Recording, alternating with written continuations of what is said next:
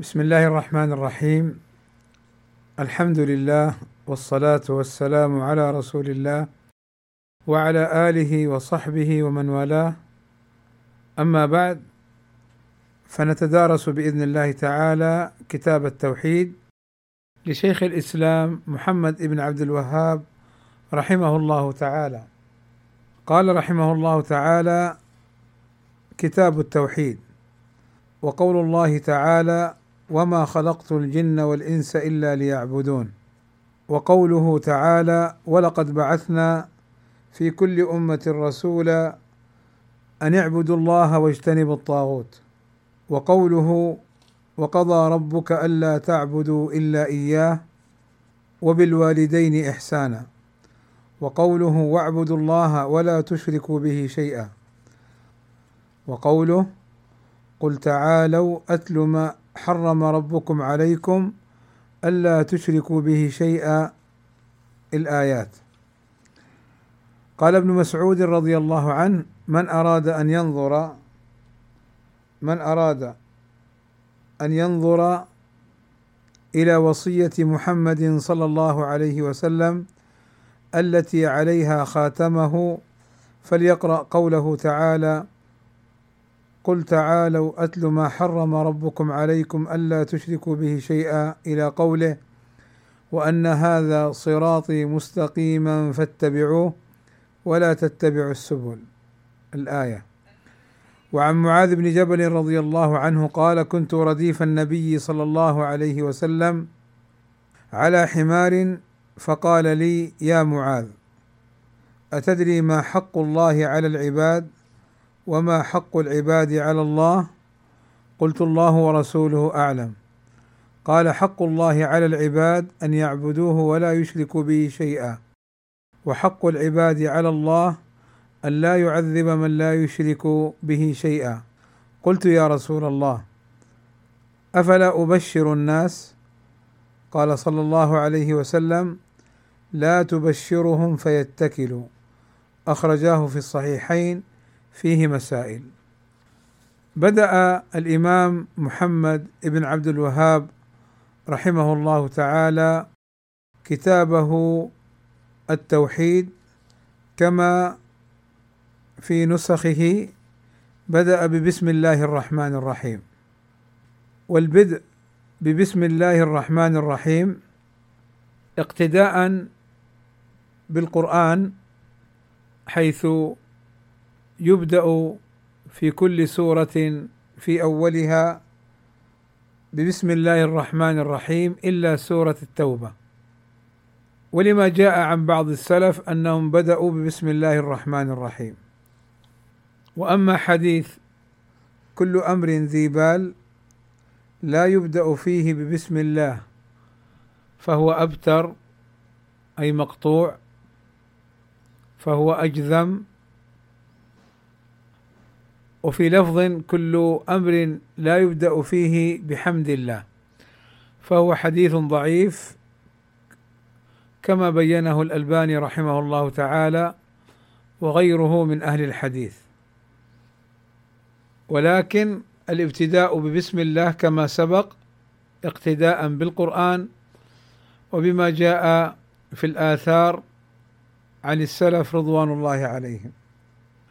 وقوله بسم الله الرحمن الرحيم أي ابتدائي ببسم الله الرحمن الرحيم أو أبتدئ ببسم الله الرحمن الرحيم. يقال أو ذكر بعض شراح الكتاب أن في بعض نسخ كتاب التوحيد بعد بسم الله الرحمن الرحيم الحمد لله والصلاة على النبي صلى الله عليه وسلم وآله. وفي النسخ الأخرى لا توجد الحمد لله إلى آخره ولكن ذكر الشيخ عبد الرحمن بن حسن بن محمد بن عبد الوهاب أنه رآها أي الحمد والصلاة على النبي صلى الله عليه وسلم بخط شيخ الإسلام محمد بن عبد الوهاب. وعلى كل شيخ الإسلام محمد بن عبد الوهاب رحمه الله تعالى قال كتاب التوحيد قال رحمه الله تعالى كتاب التوحيد وقول الله تعالى وما خلقت الجن والإنس إلا ليعبدون الآيات. وكأنه قال هذا الكتاب كتاب التوحيد مختص بتوحيد العبادة بتوحيد الألوهية بإفراد الله عز وجل بأفعال العباد. لأن هذه الآيات وهذه الأحاديث دلت على التوحيد الذي اهتم به شيخ الإسلام محمد بن عبد الوهاب. وإن كان رحمه الله تعالى كما سيأتينا ذكر بعض الجوانب المتعلقة بتوحيد الربوبية وبعض الجوانب المتعلقة بتوحيد الأسماء والصفات. إلا أن هذا الكتاب مختص بتوحيد الألوهية. وشيخ الإسلام محمد بن عبد الوهاب رحمه الله تعالى لما ألف هذا الكتاب فيما ذكر بعض الشراح أنه صنفه وألفه وهو بالبصرة. لما رحل إلى البصرة شرع في تأليف هذا الكتاب. لماذا؟ قالوا لما رأى من مظاهر الشرك وتفشيه وظهوره على ألسنة وأفعال بعض المسلمين. ثم لما رجع إلى دياره راجع الكتاب وحرره وأكمله ترتيبا وتهذيبا حذفا وإضافة إلى آخره. وهنا فائدة وهي أن الإنسان إذا ألف أو كتب يحرص على أن يؤلف في أمر يحتاج إليه الناس. إما أن يجهلوه فيعلمهم وإما أن يخالفوه بمعنى يخالف الحق فيبين لهم الحق من الباطل ويدلهم على الخير ويحذرهم من الشر. فالتأليف الذي يكون بهذه الصورة غالبا بعد أمر الله عز وجل يحصل الانتفاع به. غالبا بعد أمر الله عز وجل يحصل الانتفاع به. لماذا؟ لحاجة الناس إليه. وإن كان الإنسان يؤلف لأغراض أخرى من باب شرح ما يحتاج إليه الشرح أو اختصار المطول أو جمع الأمر الذي هو متفرق فيجمعه إلى آخر مقاصد التأليف. ولكن لما يكون التأليف مما يحتاج إليه الناس غالبا ما ينتفع الناس به خاصة مع إخلاص المؤلف في كتابه.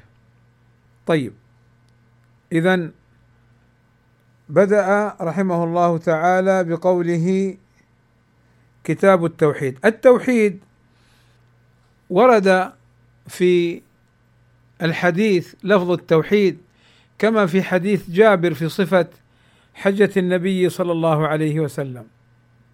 فالتوحيد كلمة معروفة شرعا والمراد بها إفراد الله عز وجل بأفعاله وبالعبادة وبأسمائه وصفاته. وهذه هي أنواع التوحيد. فأنواع التوحيد ثلاثة. توحيد الربوبية بأفعاله.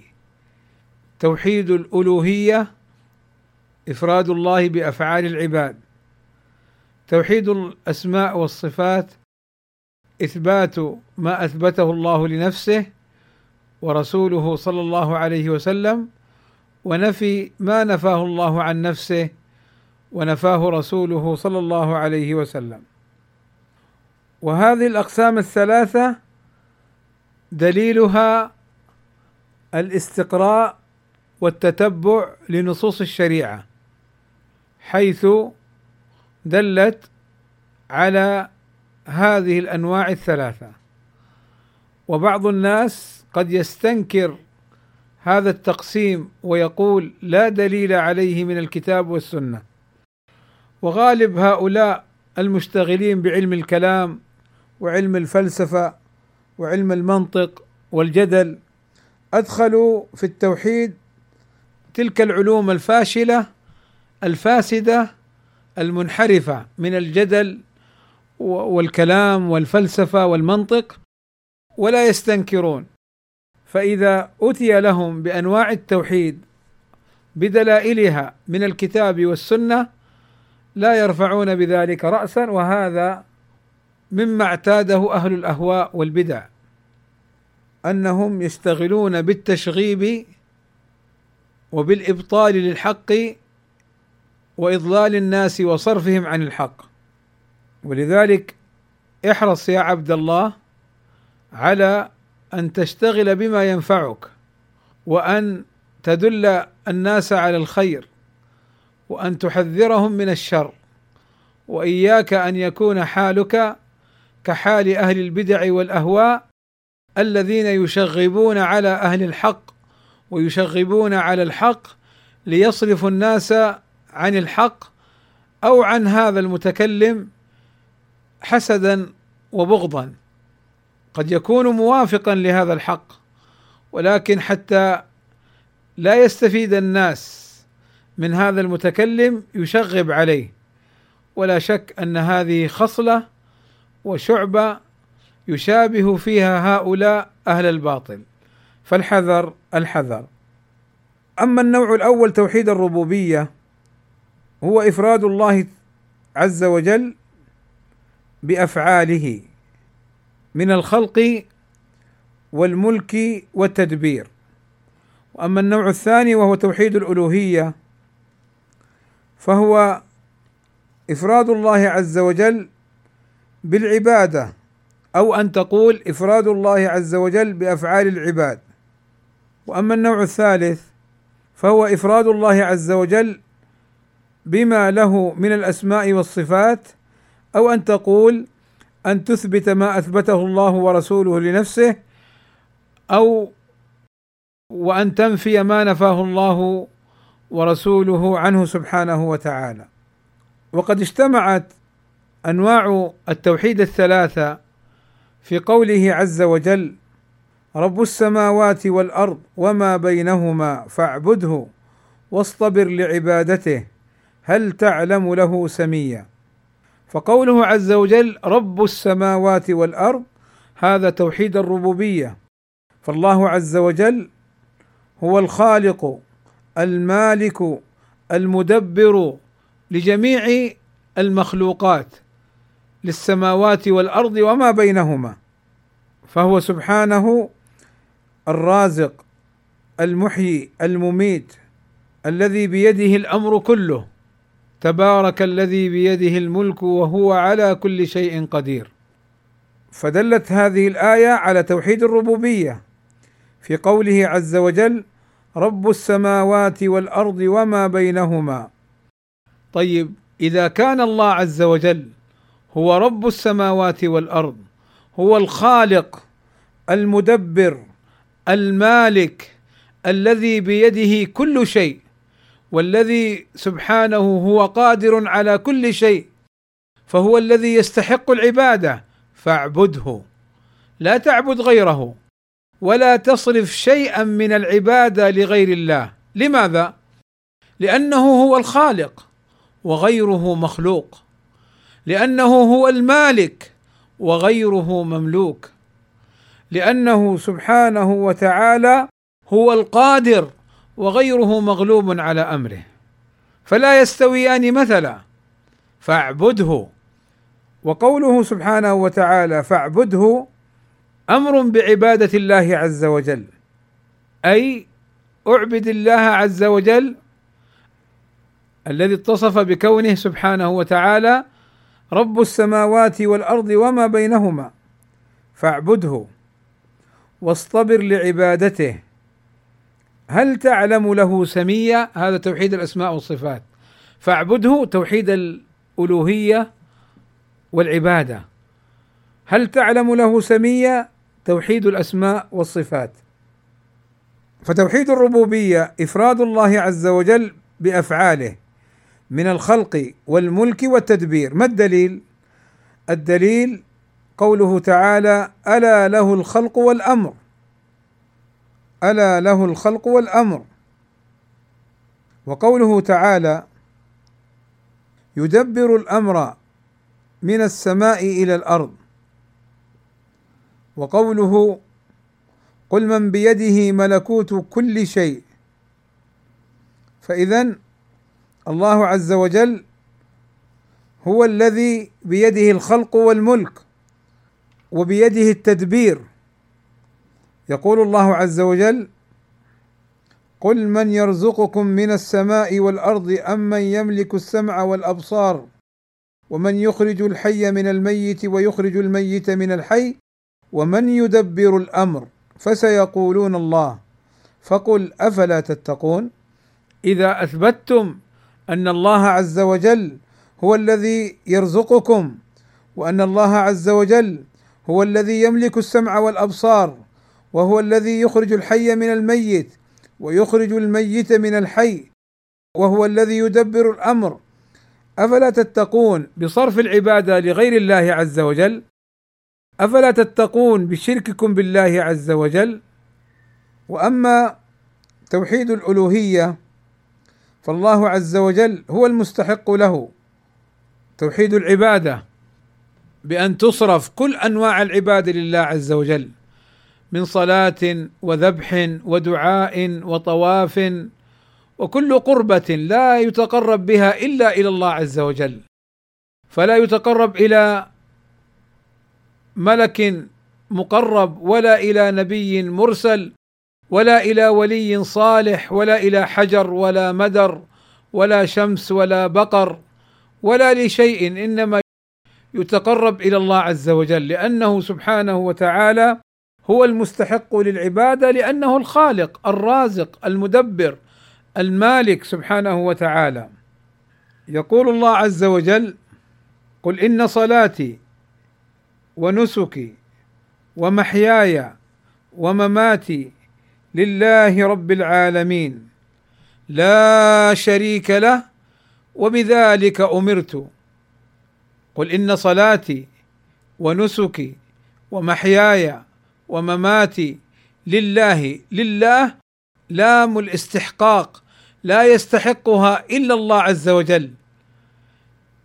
ثم أكد هذا بنفي الشريك لا شريك له وبذلك أمرت. يعني أمرت أنا ومن اتبعني. بهذا التوحيد توحيد العبادة أن لا تصرف إلا لله عز وجل. أن لا تصرف إلا لله عز وجل. ويقول الله عز وجل كما سيأتي وما أرسلنا من قبلك من رسول إلا نوحي إليه أنه لا إله إلا أنا فاعبدون. ويقول الله عز وجل يا أيها الناس اعبدوا ربكم الذي خلقكم والذين من قبلكم. وأما توحيد الأسماء والصفات فهو إثبات ما أثبته الله لنفسه وأثبته رسوله صلى الله عليه وسلم ونفي ما نفاه الله عن نفسه ونفاه عنه رسوله صلى الله عليه وسلم. من غير تكييف ولا تأويل ولا تعطيل ولا تمثيل ولا تشبيه. ليس كمثله شيء نفي وهو السميع البصير إثبات. فتوحيد الأسماء والصفات يتضمن الإثبات والنفي. إثبات ما ثبت لله عز وجل في الكتاب والسنة ونفي ما نفي عن الله عز وجل كما جاء في الكتاب والسنة. وتوحيد الربوبية يقر به الناس جميعا إلا المستكبر والجاحد والظالم كما قال الله عز وجل وجحدوا بها واستيقنتها أنفسهم ظلما وعلوا. ولذلك الكفار في آيات كثيرة يقرون بأن الله عز وجل هو الخالق وأنه هو الله وهو الرب وأنه سبحانه وتعالى هو الذي خلق السماوات والأرض كما قال عز وجل ولئن سألتهم من خلق السماوات والأرض ليقولن خلقهن العزيز العليم. وغير ذلك من الآيات كما مر معنا في قوله قل من يرزقكم من السماء والأرض امن يملك السمع والأبصار ومن يخرج الحي من الميت ويخرج الميت من الحي ومن يدبر الأمر فسيقولون الله. يعرفون كفار مكة يعرفون أن الله عز وجل هو الذي خلقهم وهو الذي رزقهم وهو الذي خلق السماوات والأرض ولكن الشياطين حرفتهم واجتالتهم عن الحنيفية السمحة وعن التوحيد فأوقعتهم في الشرك كما سيأتينا في قصة ابن عباس لما ذكر قوم نوح وكيف عبدوا الأصنام من دون الله عز وجل. فهذا التوحيد المشركون مقرون به ولم ينكره إلا من كان مكابرا معاندا مع أنه في نفسه يستيقن أن الله عز وجل هو الرب. ولذلك يقول موسى عليه الصلاة والسلام يقول نبي الله موسى عليه الصلاة والسلام مخاطبا فرعون لقد علمت أي علما يقينيا لقد علمت ما أنزل هؤلاء إلا رب السماوات والأرض ولذلك السحرة الذين كانوا يعبدون فرعون لما رأوا آية موسى خروا سجدا. وقالوا آمنا برب العالمين. وأما التوحيد الذي خالفه المشركون فهو توحيد الألوهية. فهو توحيد الألوهية حيث صرفوا العبادات لغير الله عز وجل من ذبح ونذر وطواف ودعاء واستغاثه واستعاذة إلى غير ذلك. صرفوها للمخلوقين أمثالهم. حتى كان الواحد يصنع إلهه من التمر فإذا جاع أكله. ويصنع إلهه من الحجر والمدر ثم يأتي الكلب ويبول عليه. أي إله هذا يعبد من دون الله؟ ولذلك الله عز وجل ذكر لنا كما سيأتينا مخاطبا المشركين أن الذين تعبدون من دون الله عباد أمثالكم. فكيف العبد يعبد العبد؟ وإنما العبد يعبد خالقه ومالكه ورازقه ومدبر أمره وهو الله عز وجل. فهذا التوحيد هو الذي وقع فيه الصراع بين الأنبياء وأقوامهم. وهو توحيد الألوهية وهو توحيد مهم. وضروري أن نتعلم ما يتعلق به. ولذلك أفرده شيخ الإسلام بهذا المصنف وقد أحسن فيما جمع ورتب وألف حيث جمع في هذا الكتاب مسائل كثيرة لم تجمع في كتاب قبله بهذه الصورة. فسبحان الله الذي يسر له هذا التأليف بعد أكثر من ألف عام ألف ومائة عام. والله يختص برحمته وبفضله من يشاء. طيب إذا هذا التوحيد هو التوحيد المهم. أيضا طبعا لماذا هو المهم؟ لوقوع المخالفة فيه. أما توحيد الربوبية فالمشركون يقرون به.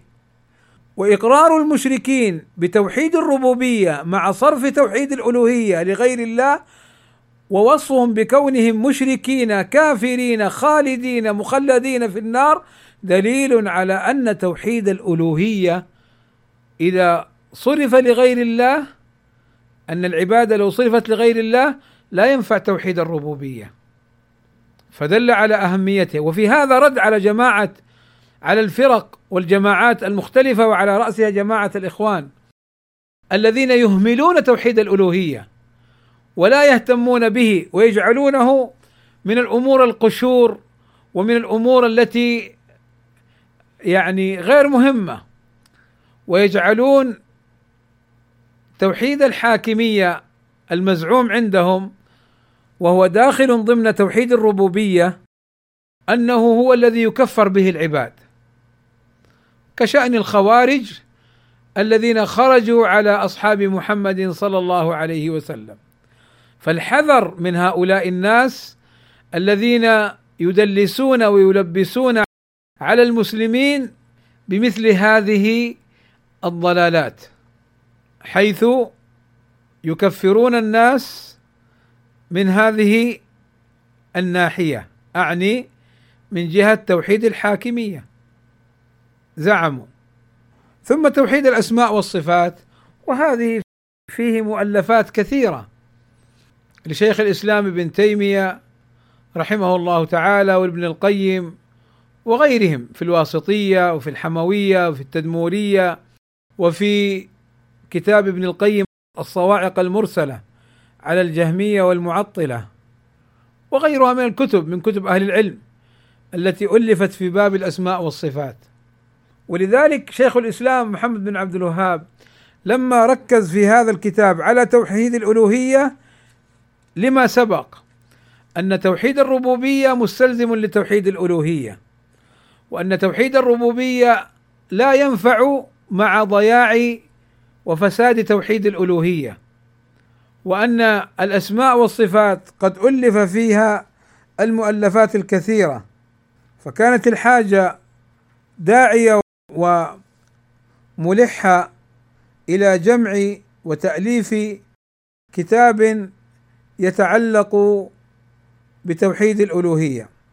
قال وقول الله تعالى وما خلقت الجن والإنس إلا ليعبدون هذه الآية بدأ بها المصنف رحمه الله تعالى للدلالة على أن الله عز وجل خلق الخلق من الجن والإنس لحكمة عظيمة وهي لعبادته. ولذلك جاء عن ابن عباس في قوله تعالى إلا ليعبدون أي إلا ليوحدون. وما خلقت الجن والإنس ما نافية يعني لم أخلقهم هملا ولا عبثا. ولم أخلقهم إلا لعبادتي لتوحيدي لإفرادي بالعبادة. والمعنى خلقتهم ليوحدوني في العبادة إلا ليعبدون إلا لأجل أن يعبدوني. فالله عز وجل أوجد الناس والجن من العدم أوجدهم ليعبدوه سبحانه وتعالى وليوحدوه في العبادة. وحسن الابتداء بهذه الآية ليبين أساس خلق الناس والجن والحكمة من خلقهم هي عبادته سبحانه وتعالى وإفراده بالعبادة. فكيف تصرف العبادة لغير الله عز وجل؟ ثم أكد هذا الأمر في قوله تعالى ولقد بعثنا في كل أمة رسولا أن اعبدوا الله واجتنبوا الطاغوت هذه الآية فيها أن الله عز وجل بعث في كل أمة رسولا. كان الأنبياء والرسل قبل نبينا محمد صلى الله عليه وسلم يبعثون إلى أقوامهم. فلوط في قومه وإبراهيم في قومه وموسى في قومه وهكذا. صلى الله عليه وسلم أجمعين. فكان يبعث أكثر من نبي أو رسول في زمن واحد. كل إلى قومه.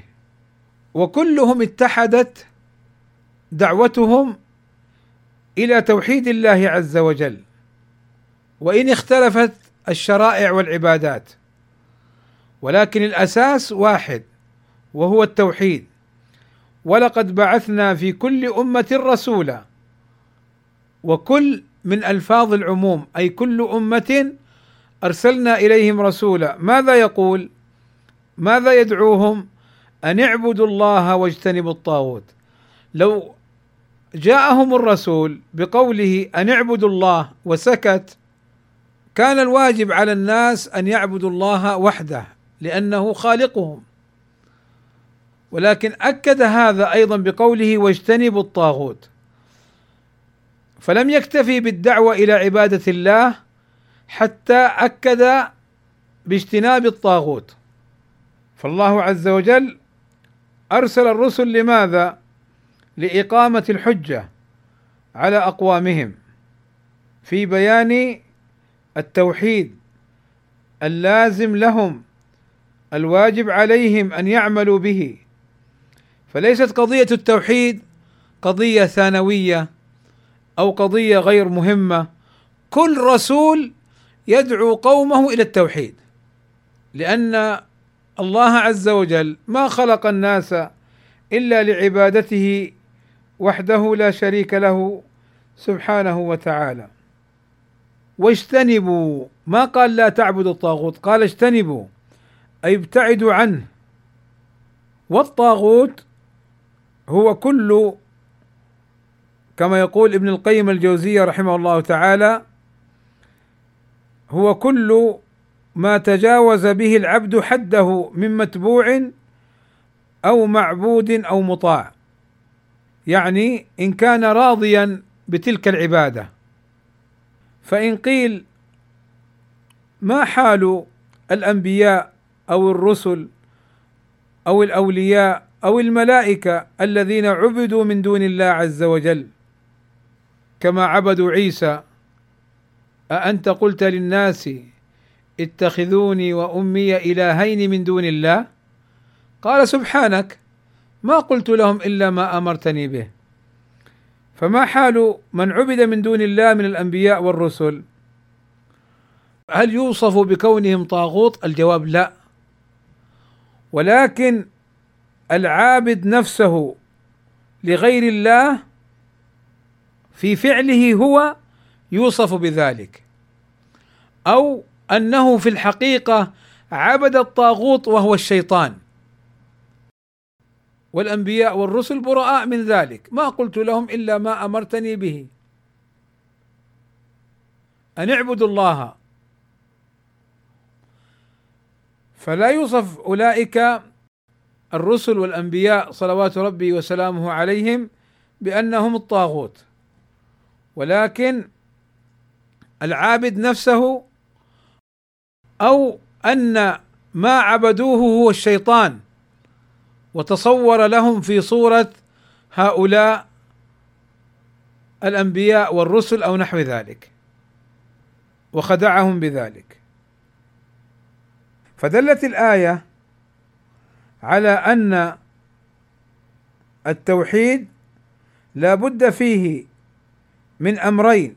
الأول إفراد الله بالعبادة والثاني الأول إفراد الله عز وجل بالعبادة أن اعبدوا الله والثاني اجتناب الشرك والطاغوت وكل ما يعبد من دون الله عز وجل.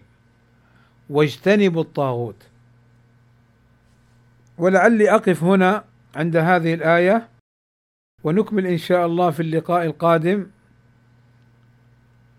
ما يتعلق ببقية الآيات. وصلى الله وسلم على نبينا محمد وعلى آله وصحبه وسلم أجمعين.